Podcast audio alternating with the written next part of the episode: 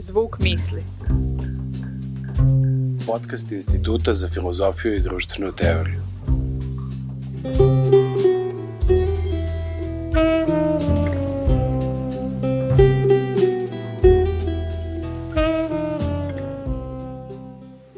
Dobrodošli u prvu epizodu Zvuka misli, prvu epizodu podcasta Instituta za filozofiju i društvenu teoriju Univerziteta u Beogradu.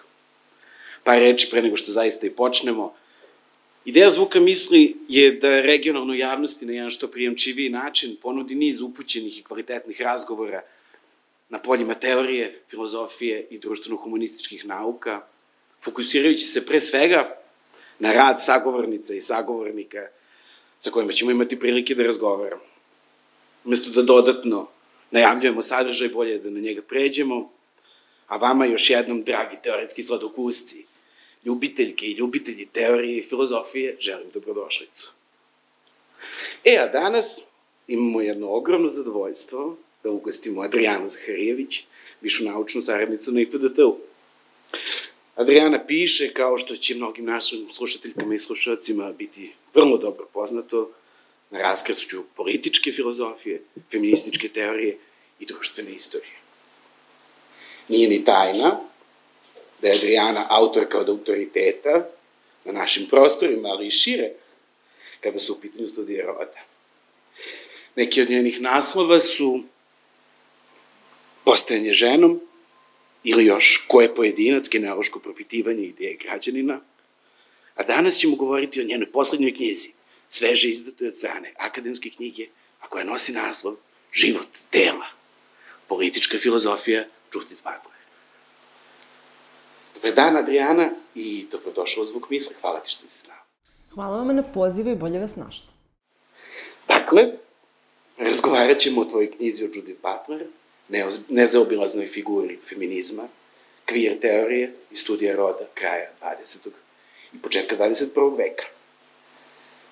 Butler je takođe poznata široj javnosti po svom društvenom aktivizmu i političkom, po njenoj angažovanosti, bilo da se radi o LGBTQ plus pravima, izraelsko-palestinskom konfliktu, pokretu Occupy Wall Street ili skorije pokretu Black Lives Matter.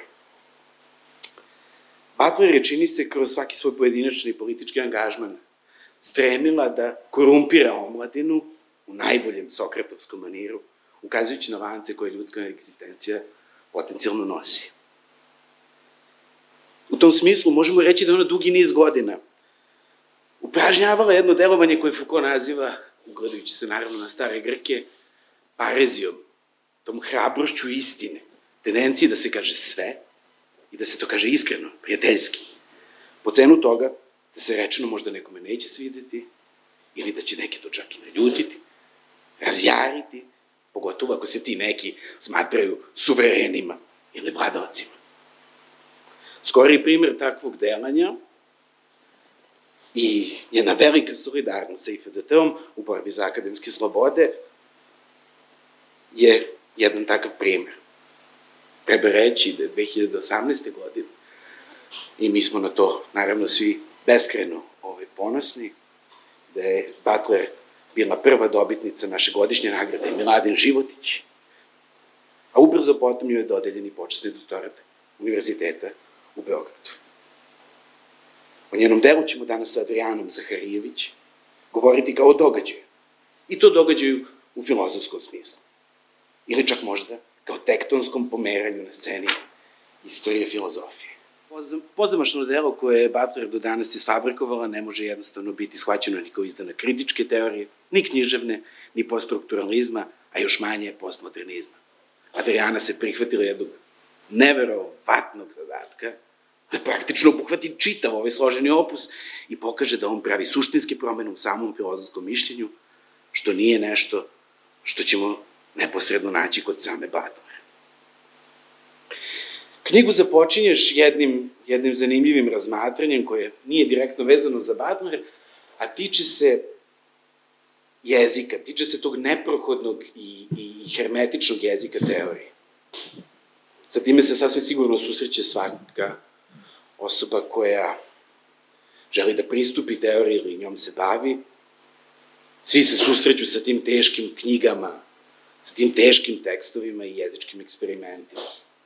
Zašto je taj problem, Adriana, hermetičnog jezika, nešto što ne možemo da zaobiđemo, što koji, i koji je najbolji način da se s time suočimo? Pre svega hvala ti na uh, jako lepim rečima kojima si uveo ovo, uh, ovaj razgovor i hvala na tome što sam uh, na neki način prva u ovom eksperimentu sa podcastom koji ima izvanredno ime. Um, pitanje jezika i teorije naravno nije nešto što je ograničeno na Judith Butler. Ja sam pokušavala da razmislim o tome koje su knjige napisane teorijskim jezikom uspela da naprave nekakve tektonske poremećaje, ne samo u načinu na koji mislimo o svetu u kojem smo, već koje nas pozivaju da delamo u tom svetu. I zaista je broj takvih knjiga prilično mali. Um, kada se osvrnemo na nekakvu, recimo, istoriju filozofije. Hajde da se zadržimo na filozofiji danas ovde. I knjiga Nevolja s rodom spada u takve knjige i to je ono što je čini izuzetno zanimljivo. Međutim, uh, htela bih da uđem u ovu priču u stvari prisećajući se jednog događaja koji smo ovde na institutu organizovali početkom 2018. godine zajedno sa Fakultetom političkih nauka. Reč je o konferenciji koja se zvala, neko je rekao, feminizam u feminističkoj teoriji u Srbiji danas. I samim tim što je teorija bila u imenu i samim tim što se jedan takav događaj organizovao kod nas, a, meni se činilo umesnim da postavim pitanje, i to je bio naslov izlaganja sa kojim sam a, tog dana na tom događaju nastupila, da li je teorija teška? Pitanje zvuči samorazumljivo i pomalo retorički, ali sa druge strane je e, bilo vrlo umesno na tom događaju zbog toga što a, kod nas već nekoliko decenija unazad postoji jedan i otvoren i implicitni spor između aktivistkinja i teoretičarki I čini mi se da to nije nekakva um, srpska ili postjugoslovenska stvar, već je nešto što je došlo na, stupilo na scenu s pojavom trećeg talasa ili možda preciznije upravo od kada je Judith Butler postala teorijska um, zvezda ili uh, neko ko je jako važan u feminističkoj teoriji, dakle od 1990. godine kada je ta knjiga Nevolja s rodom objavljena. I ja sam se upravo i pokušala u, u tom svom izlaganju osvrnuti na ideju zbog čega je nekad neophodno pisati teškim jezikom, hermetičnim jezikom, da li time samo želimo nešto abstraktno, zakukuljeno da kažemo ili čak da na neki način nekoga zaprepastimo, odgurnemo od onoga što pišemo, ili se time možda pokušava načeti nešto što nam jedan uh, zdravorazumski jezik uh, ili jezik na koji smo navikli, um, jezik koji nije oneobičan, uh, ne daje. Odakle nam onda taj poziv, odnosno ta afirmacija, ne poziv, nego afirmacija da je, da je, da je, da je jezik teorije težak, odakle misliš da, da on dolazi? E, jer možeš da mapiraš to mesto? Ja mislim da je jezik teorije težak, posebno one teorije koje kao što je reč, e, e, kao što je slučaj sa Judith Butler, nastoji da napravi neku promenu, tektonsku promenu u mišljenju, a potom, insistiram, i, u delanju. Mislim da je jezik teorije težak upravo zbog toga što on pokušava da nas nagana na to da zastanemo, da se još malo zadubimo na nekom određenom mišlju. I to, naravno, nije ograničeno samo na filozofiju, naprotiv, zato i govorimo o teoriji kao nečemu što nadkriljuje bilo koju specifičnu disciplinu, a između ostalog, u slučaju Judith Butler, jezik teorije je težak i zbog toga što ona u načinu na koji je pisala i mislila prekoračuje različite granice disciplina, čini granice poroznima i vrlo često nas ostavlja zapitane i u kom ključu, u kom registru zapravo govorimo, odnosno ona govori kada nam se obraća, oko nekih stvari, oko nekih fenomena koji deluju vrlo blisko našim življenim iskustvima i posebno kada ih dovodi u pitanje.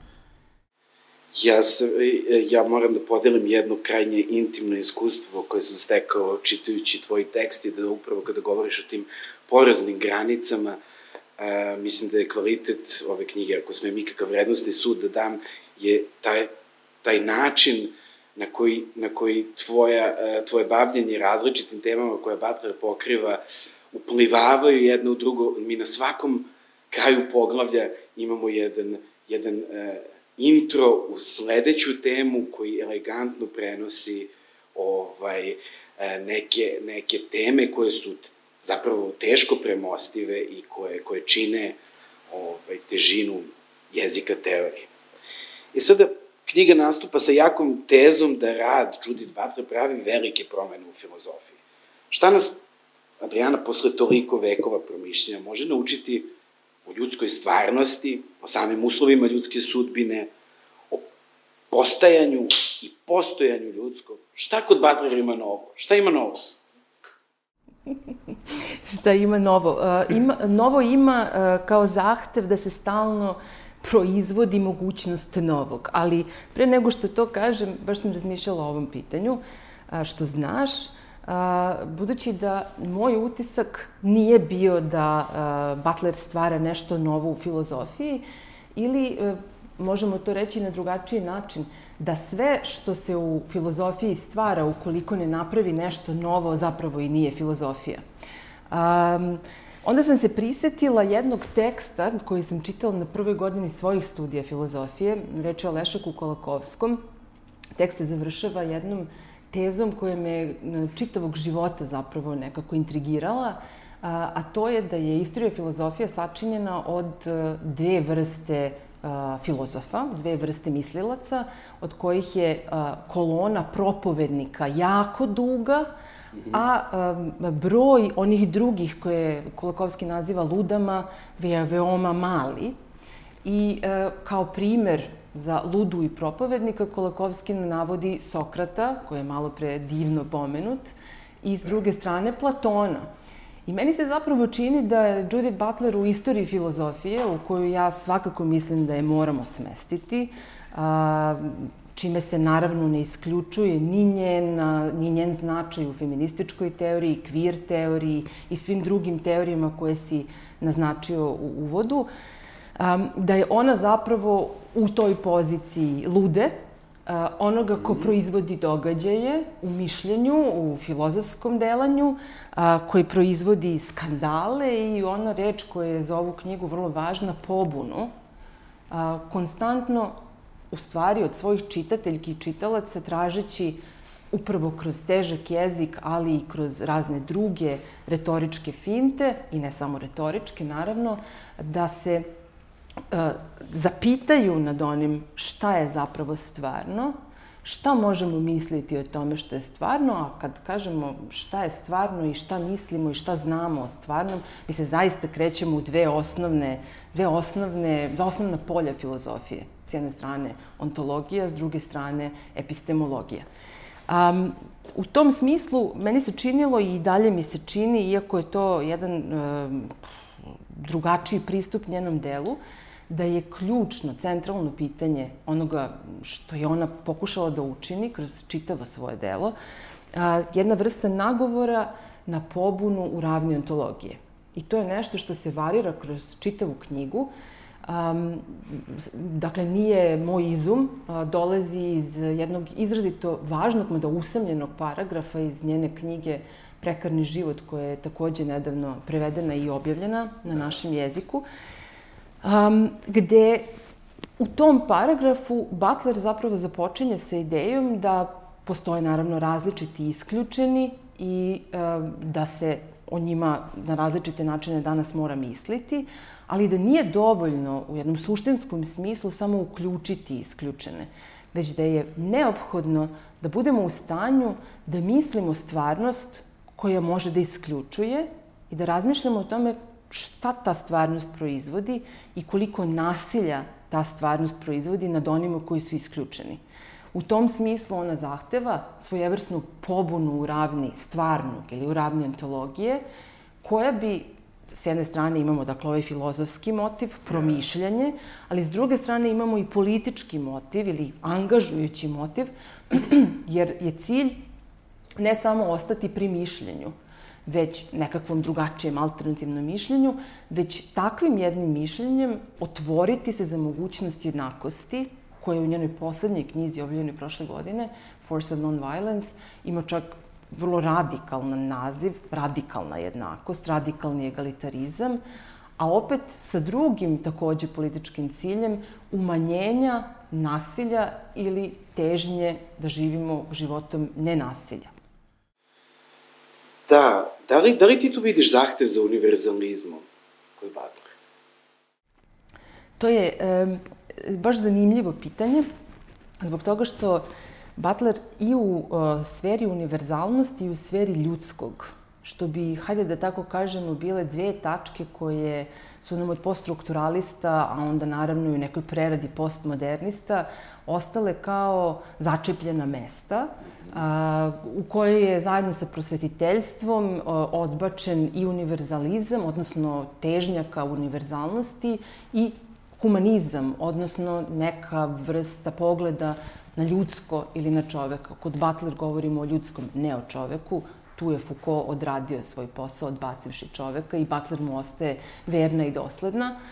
Um, Međutim, zašto ovo kažem? Zbog toga što u jednoj dosta dugoj fazi svog rada Butler je bila kritična prema univerzalnom, kao i prema ljudskom, da bi onda u izvesnom trenutku odbacila, odnosno preradila sobstvena mišljenja na tom tragu i pokušala da razume univerzalno kao nešto što nije kolonizujuće i ograničavajuće, već kao nešto što ostaje u jednoj formi univerzalnosti koja će doći, malo deridijanski, demokratija da, da, koja će da, doći, i sa druge strane mogućnosti izvesnih konkurentskih univerzalnosti, gde nema jedne univerzalnosti koja nam se nameće kao jedina moguća da. merodavno. Ta teza nas negde, negde podsjeća na onu raspravu koju su Balibare i, i, i Butler imali preko svojih tekstova i konferencija, gde isto Balibar poziva na tu neku pluralnost univerzalnih, univerzalija,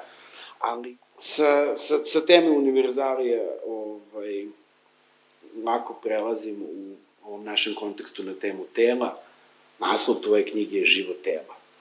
Neko naivno čitanje bi nas moglo navesti da pomislimo da Butler suprostavlja jezik i telo. Da jezik živi neki svoj život, a opet telo neki, neki drugi kako u teoriji, tako i u praksi često se oslanjamo na određene binarne opozicije, tipa muško, žensko, duša, telo, kultura, priroda, da sad ne idemo u neka nabrajanja koje idu dalje, i sve one nam se čine samo očigledno. Butler je jedna od vodećih autorki koja iznosi kritiku i zagovara jednu složenu ideju pluralnosti. Da li možeš nešto više da nam kažeš o aspektu E, dobro, ovo je naravno ključno pitanje s obzirom na to da se knjiga zove Život tela. Život tela je između ostalog i bačena rukavica svima onima koji, u tom smislu pitanje uopšte nije naivno, koji pretpostavljaju, zagovaraju tezu o tome da u slučaju Judith Butler tela nema, da je telo odsutno. I to je zapravo najčešće, najčešći tip interpretacije, najčešći tip kritike ne samo odsustvo materializma. Koji već, dolazi sa kojih strana? Dolazi najčešće iz najrazličitih feminističkih, posebno levo orijentisanih feminističkih, ali ne samo levo orijentisanih feminističkih, radikalnih feminističkih. Um, to je dakle nešto što se osvrće pre svega na prvu fazu njenog rada. Uh, u tom smislu, uh, otkriće tela kod Judith Butler je verovatno najoriginalniji aspekt ove knjige, ali mimo originalnosti. Dakle, ono što je meni bilo važno je pitanje kako da spojimo nešto što sam ja na samom početku odvojila u dve faze njenog rada. Uslovno rečeno nazvaćemo ih teorija performativnosti i teorija prekarnosti. U teoriji prekarnosti život tela je sasvim jasno subjekt ko ili šta je subjekt u teoriji performativnosti, na izgled nije tako jasno. I ja sam onda nekako pokušavala da da razumem e, šta je ono što spaja, budući da me je sve vreme interesovalo da tražim spojnice u tom delu koje traje veoma dugo, od 86. do danas, a, i trajaće sasvim izvesno a, i dalje. I meni se učinilo da je u tekstovima pre Nevolje s rodom, koja je ta knjiga koja pravi tektonske promene, ali i muti vodu, a, telo bilo sasvim jasno subjekt onoga što će postati teorija performativnosti. Um, pitanje pluralizacije je ključno zbog toga što je veoma važno razumeti da je telo ono što je pluralno istovremeno najindividualizujuće, dakle ono što nas upojedinjuje, da. Ali istovremeno i ono što živi vrlo različitim životima i zahvatiti e, ideju života tela podrazumeva s jedne strane i ono što nam daje teorija performativnosti, da izvođenjem, da samim činovima tela mi stvaramo ono što je društvena stvarnost, a to je jedina stvarnost ljudskog tela, sa jedne strane i sa druge strane da e, telo živi u životu koji je istovremeno i moj i nije moj, odnosno on je ono što nam je dato kroz a, ono što je društvenost, a kad kažem društvenost mislim i na jezik, i na druge neke druge koje biramo, neke druge koje nikada ne biramo, možda ih nikada nećemo ni susresti u svom životu, ali oni imaju uticaja na to kako će naš život izgledati. Zatim, vrlo važno, diskurse koji oblikuju način na koji ćemo mi živeti sobstvene živote, odnosno izvoditi sobstvenu egzistenciju i najzad uslove života pod čime se misli, o tome pozna Butler često govori, kao infrastrukture i institucije koje nam u političkom i društvenom smislu omogućavaju da živimo ili da živimo življivim životom. Koja je, koja je trajektorija koju Butler izvodi? E, zapravo u, u, u tom poglavlju o performativnosti koja je zaista krajnje podrobno to, to, to, tu temu tretira, u pojmu performativnosti koji je toliko važan za poznu fazu Judith Butler, počinješ sa uvidima nekim koje čitaš iz drugog pola Simone de Beauvoir i egzistencijalizma. Ajde da kažemo šire gledano, ali tu se opet pridružuju mnogi, pa je tu od Aristotela do Hegela, sa Gail Rubin, Monique Wittig, tu je i Foucault. Pa kažeš čak i da performativnost treba razumeti sasvim ničenski, to je da pre ili iza čina nema subjekta ili sobstva. Kako, kako ta trajektorija ovaj, koju Butler uh, čini, uh, dolazi do tela, kao ujedno izvorišta i odredišta performativnosti. Kako da, kako da kažem, do telesne performativnosti koja je paralelno i donekle paradoksalno se odvija u jeziku, kako upravo napominješ. Ali, ali ta čini se da taj, da taj jezički moment, što je iznenađujuće za, za jedan pristup performativnosti, se e, Butler dolazi do jezika, ti sama kažeš kasnije, ti ostinovski elementi e, jezičke teorije performativnosti ulaze posle tema. E, kako, kako se to sve uvezuje, kako se plete ta fina jedna mreža ovaj, koja dozvoljava da nešto što bi u početku delovalo paradoksalno ide e, glatko, prosto curi. Pa ne znam da li ide glatko i da li curi, ali sa druge strane, hajde da probamo u tri minuta da ponudim kratku istoriju pojma performativnosti u delu Judith Butler. Zato što mi se čini da je zanimljivo i važno, zbog toga što važno važno. se vrlo često uh, zadržavamo na tom pojmu tako što smo pročitali Nevolju s rodom, u kojoj pojam performativnosti još uvek ne postoji, a onda odatle skačemo u tela koja nešto znači i manje više najčešće završavamo naše čitanje Judith Butler na te dve knjige. A, ono što a, treba da znamo, i tu je veza između tela, na početku tela i njegove moći da performira, odnosno izvodi sobstvene mogućnosti, a zatim kasnije jezika, jeste sledeće. Znači, Butler kreće od Hegela i Hegel je veoma istaknut u, u ovoj knjizi, um, gde na sasvim neočekivanom mestu, u susretu roba i gospodara, odnosno dveju samosvesti, uključuje telesnost. Neću ulaziti uopšte u ovu priču dalje. Onda tu istu priču primenjuje na Simone de Beauvoir, koja je njen ulazak u feminizam.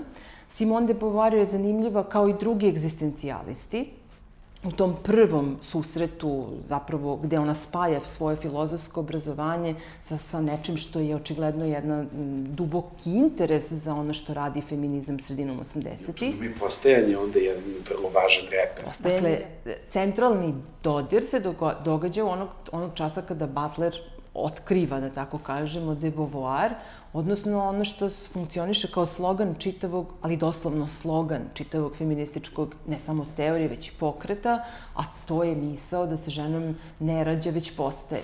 I ta ideja o postajanju je ovde veoma važna i ona se naslanja na priču o Hegelu i ona se naslanja na priču o telesnosti, a ideja o postajanju koju, odnosno način na koji Butler preformuliše ili koristi Beauvoir, jeste da li se može postajati nekako drugačije. Znači, ne rađamo se kao žene, taj pol, odnosno naša telesnost, nije nešto što nas u esencijalnom smislu determiniše, ali kada postajemo, da li je nužno da postanemo drugi pol, odnosno žena, ili postoje neke druge mogućnosti i kakve su onda mogućnosti. Evo nas u suštinski najvažnijoj reči mogućnost postojanje i mogućnosti su zapravo korelativi koji su, rekla bih, u osnovi teorije performativnosti i to pre nego što smo uopšte došli do ostine jezika, a, zadržavajući se na ideji da ukoliko ne postoji nešto što nas iznutra determiniše u postajanju, onda mi na različite načine performiramo to svoje postojanje. Izvodimo ga našim telom, rukovodeći se onim što su dostupne mogućnosti, odnosno norme. Evo ga i Foucault. A, performativnost kao pojam biva uvedena naravno preko ostina, ali ja mislim da je taj moment od presudnog značaja za vezu sa onim što dolazi kasnije s teorijom prekarnosti, zbog toga što jezik na čudan način e, nije neka vrsta a, lingvističkog zaokreta u delu Judith Butler, a, niti je on ikada bio preopterećen time da se bavi jezikom, kao što imamo mnogi slučajeve u strukturalističkim, poststrukturalističkim teorijama, koliko je jezik zapravo uneo onu dimenziju koju sam malo čas spomenula, a to je društvenost. Dakle, ko sam i šta uopšte mogu da kažem o sebi i kako mogu da odlučim bilo šta, pa da to iskažem, je nešto što već dolazi do mene i pre mog izbora da to izgovorim kroz jezik koji mi je maternji, ali takođe mogućnosti onoga što za sebe mogu reći, na primer, da sam žena, dolaze mi preno što sam odlučila da postajem kao žena ili ne. Dakle, na različite načine smo sauslovljeni upravo jezikom. I jezik za Butler čini mi se otvara to polje društvenosti koje je onda centralno u onome što dolazi posle.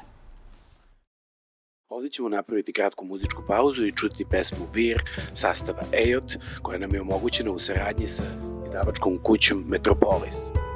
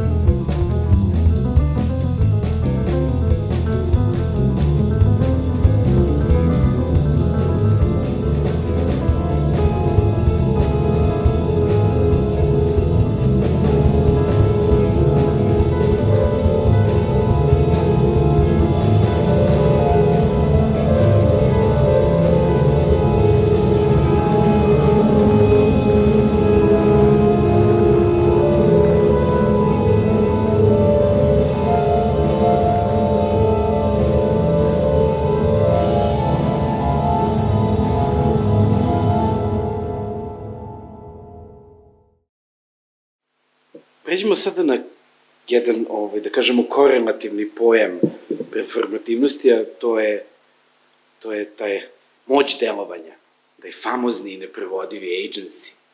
Prevodivi. Dobro. Kako se naše poimanje subjekta i subjektivnosti, šta misliš, kako se menja kroz prizmu tog, tog jednog koncepta koji je vrlo specifičan, odnosno, ako je postajanje o kojem smo sad razgovarali subjektom jedna ključna dimenzija performativnosti, da li ona nužno ne isključuje ipak neku vrstu postojanja subjekta, svaćeno kao njegove egzistencije, i da li onda to postojanje subjekta, koliko god ono bilo u nekom stalnom postajanju, ipak ključna dimenzija moći delovanja. E, moć delovanja je, čini mi se, možda i najveće poglavlje ove knjige i to ne treba da nas začudi zbog toga što, iako je reč o nečemu što ponovo interpretatori nisu uzimali za ozbiljno, Butler tvrdi da je a, teorija performativnosti zapravo svojevrsno tumačenje naše moći delovanja.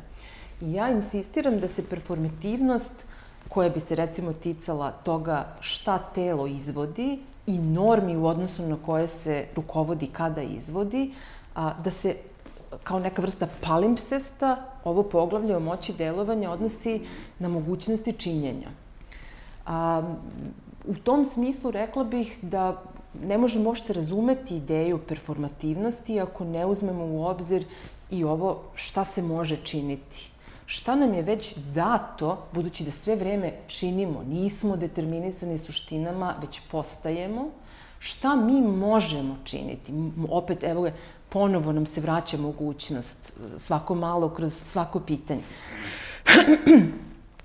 A, ja ne želim previše dugo da pričam o ovom poglavlju, iako je ono, kao što, kao što kažem, ne samo što je u sredini same knjige i možda je i najduže, um, ono je na neki način pokušaj da se Judith Butler iščupa iz, iz ralja jednog prilično dugovečnog pitanja, a pitanja koje je suštinski filozofsko i odmiče od same Judith Butler, pitanja m, veze, razlike a, između voluntarizma i determinizma, odnosno u kojoj meri ja mogu da radim šta hoću da radim, da činim, da izvodim i u kojoj meri je moje činjenje u potpunosti determinisano. Dakle, šta nam ostaje negde u tom praznom prostoru između ili ne prazno, već prilično popunjenom različitim mogućnostima i kako proširiti mogućnosti. Um, to se poglavlje, ovo bih voljela da istaknem, završava pričom o Antigoni, a, koje je naravno veoma važan lik a, među, u plejadi likova a, u teoriji Judith Butler. A, između ostalo zbog toga što i na, na neki način nas, kao što si pomenuo, uvodi u naredno poglavlje o življivom životu, a, a, zbog toga što a, za Butler je život važan. I to je, čini mi se, veoma nekako važno istaći zbog toga što u prvoj fazi njenog rada ne postoje nekih normativnih horizonti ili normativni temelji od kojih se ona rukovodi u svom promišljanju, um, da bi onda zapravo život stekao vrednost kao takav u smislu da ukoliko nam je dat, mi treba da možemo da ga živimo na jedan življiv način.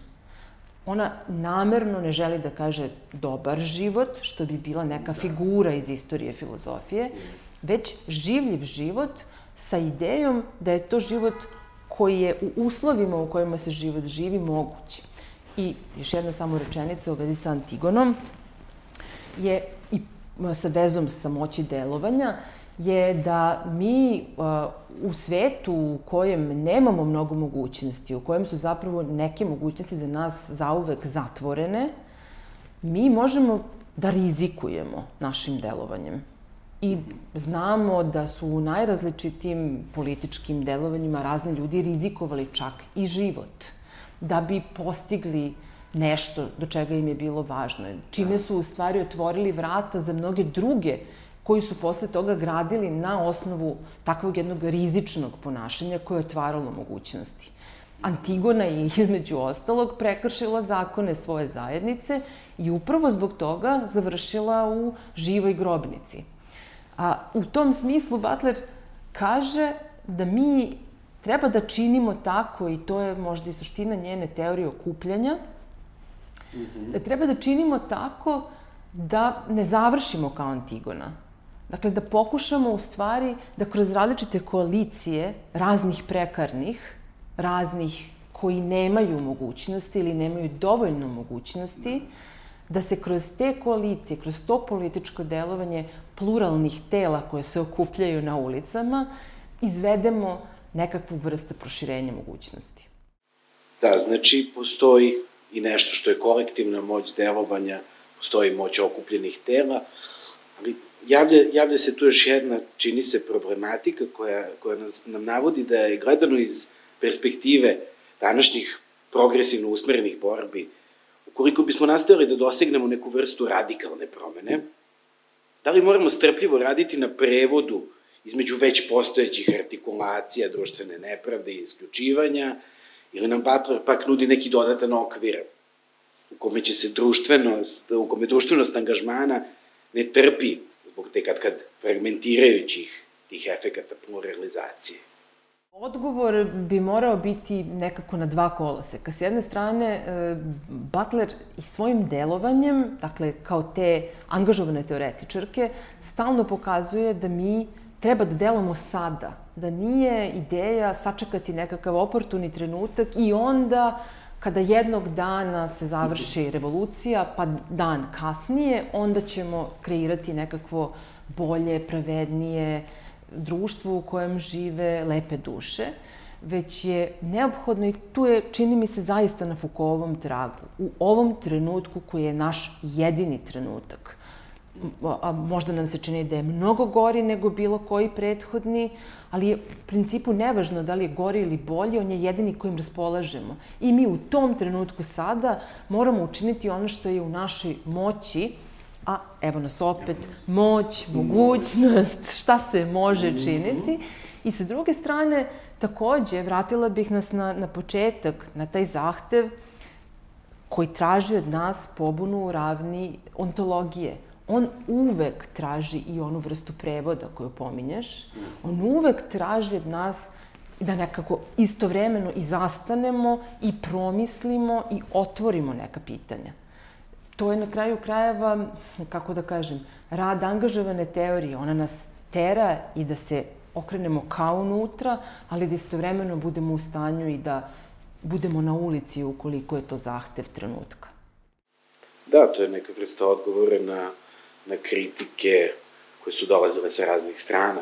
To, to ti napominjaš. To bila Marta Nussbaum, Šela Benabib, su neka, da kažemo, velika imena feminističke teorije koje su Butler ovaj, davala jednu baš takvu, ovaj, upućivala jedan takav kritički, ovaj, kritičko pitanje, a na koje on na ovaj način odgovara, čini se, čini se vrlo argumentovano. Knjigu privodiš tezom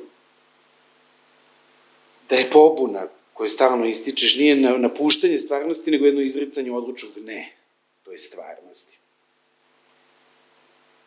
Da li i na koji način ta pobuna može da bude nenasilna, a da u isto vreme i zaustavi nasilje?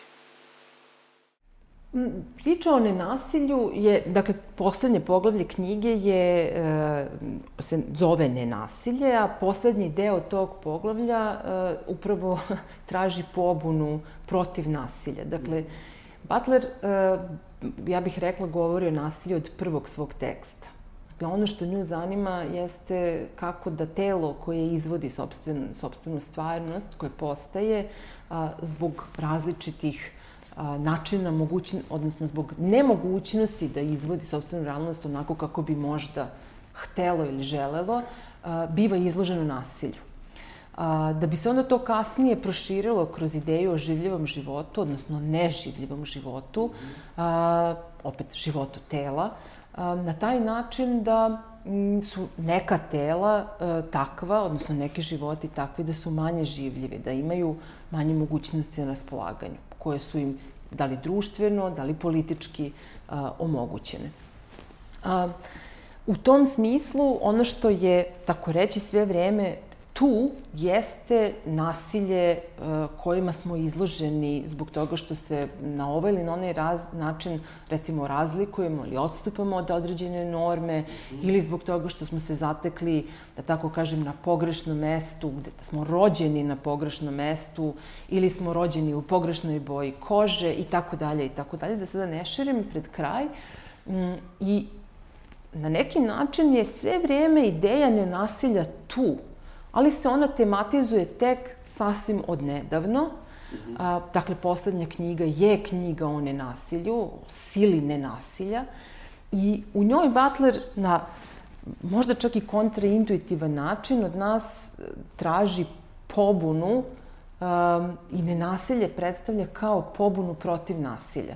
Dakle, ne kao nekakav etički princip ili kao, pomenula sam, ne, neki pokušaj života kao da smo lepe duše, već uh, uvažavanje one stvarnosti u kojoj smo, a to je stvarnost prepuna agresije i nasilja, u kojoj zapravo ne postupati prema normama koje sada oblikuju društvenu stvarnost, koje oblikuju društvenu stvarnost koja je ustanovljena za nas, znači postupati nenasilno. Boriti se protiv nasilja u sebi. Nasilje da uzvratiš.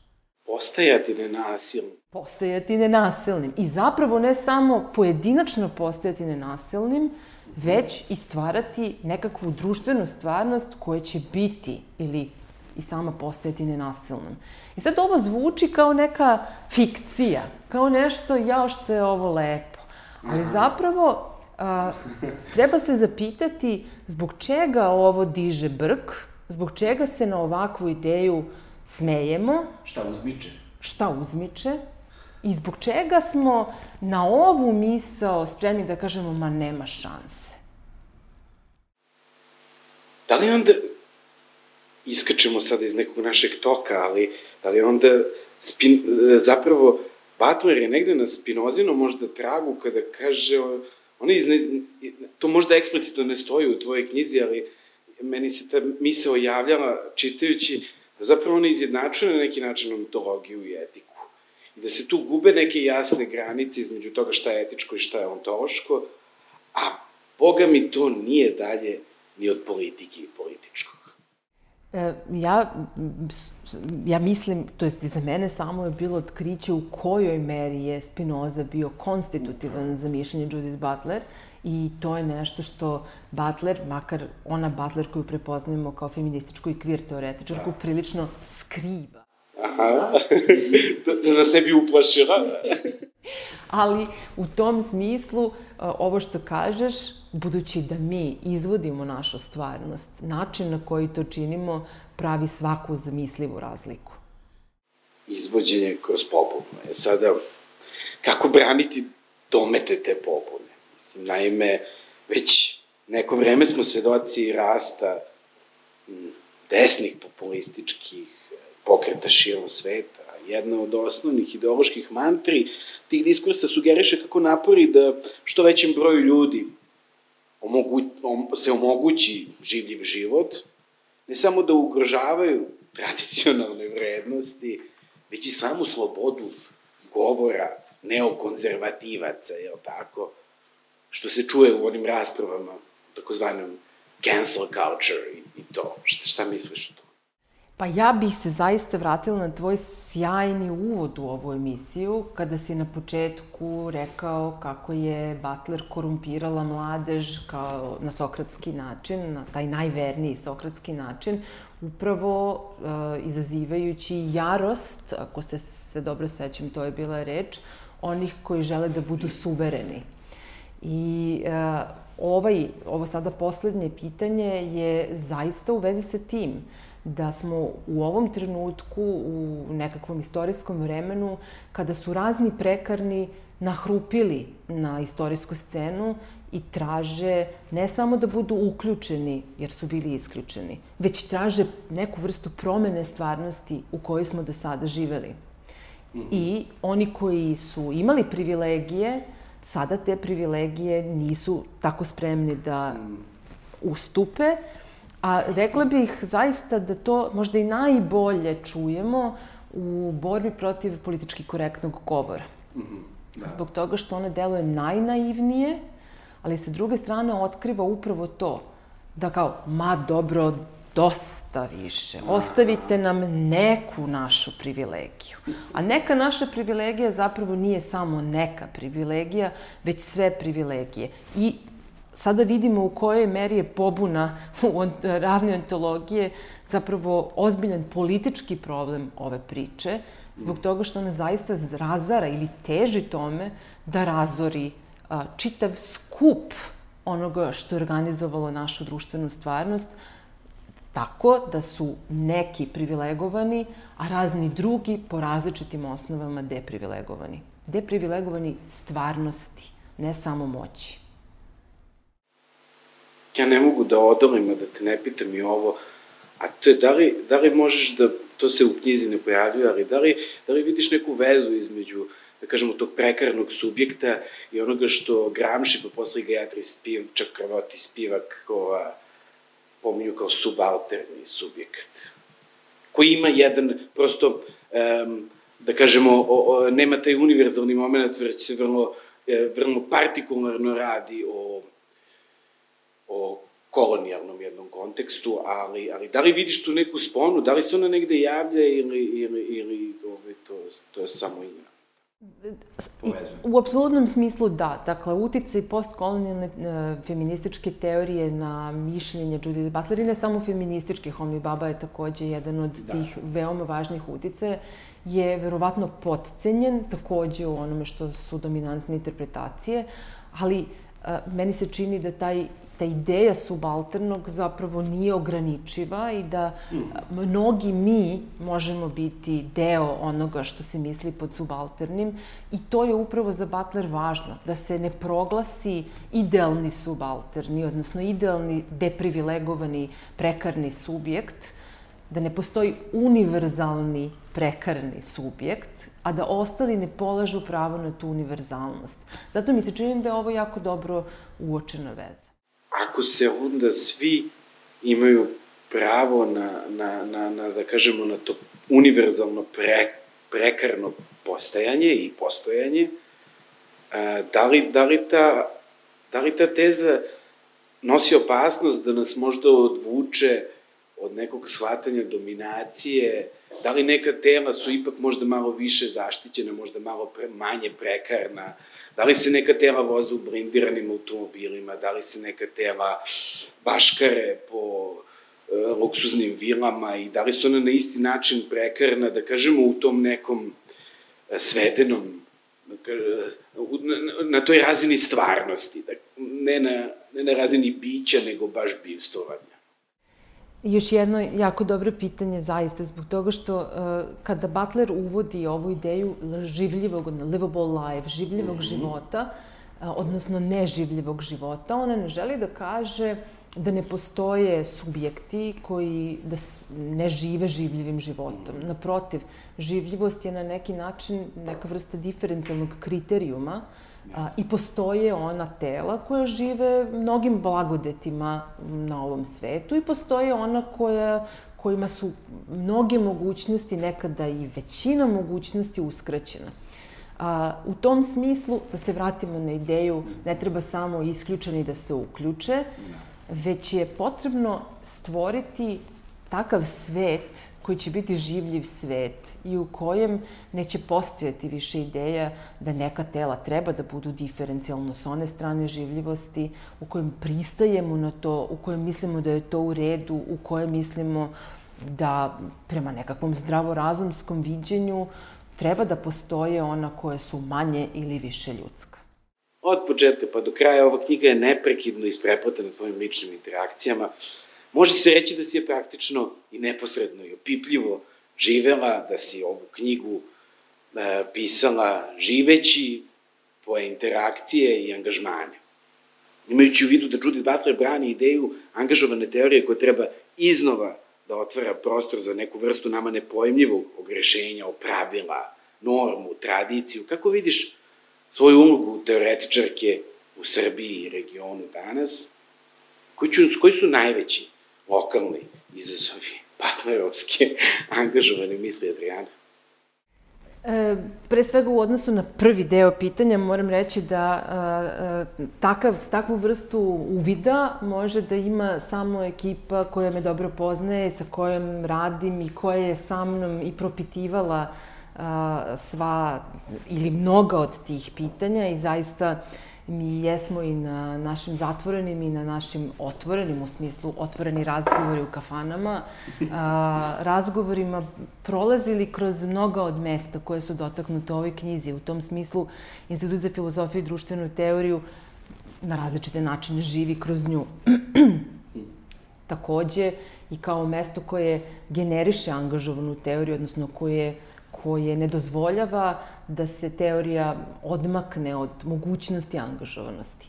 Um, Odgovor na drugi deo pitanja je jednostavan. Dakle, ja sam mnogo toga naučila od Judith Butler koju sam davno počela da čitam, umeđu vremenu često i prevodila. Uh, Um, ali je sasvim izvesno, verovatno najvažnija lekcija koju sam od nje dobila, ono što sam malo čas e, rekla u nekom trenutku, a to je da je vreme u kojem smo, naše jedino vreme, da se mora delati in media res i to je, budući da stalno delamo taj moment sada i ovde, ono što je naše sada i ono što je naše ovde, nas poziva da se angažujemo, istovremeno nikada ne zapostavljajući mogućnost otvaranja pitanja, ne nužno nuđenja odgovora na ta pitanja, ali nuđenja neke vrste narativa kojim ćemo možda moći da propitujemo stvarnost čiji smo deo.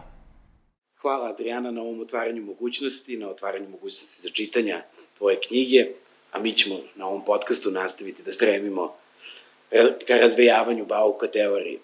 Do sledeće epizode dragi teoretski zladokusci u kojoj ćemo imati prilike da čujemo Alenku Župančić. Pozdrav!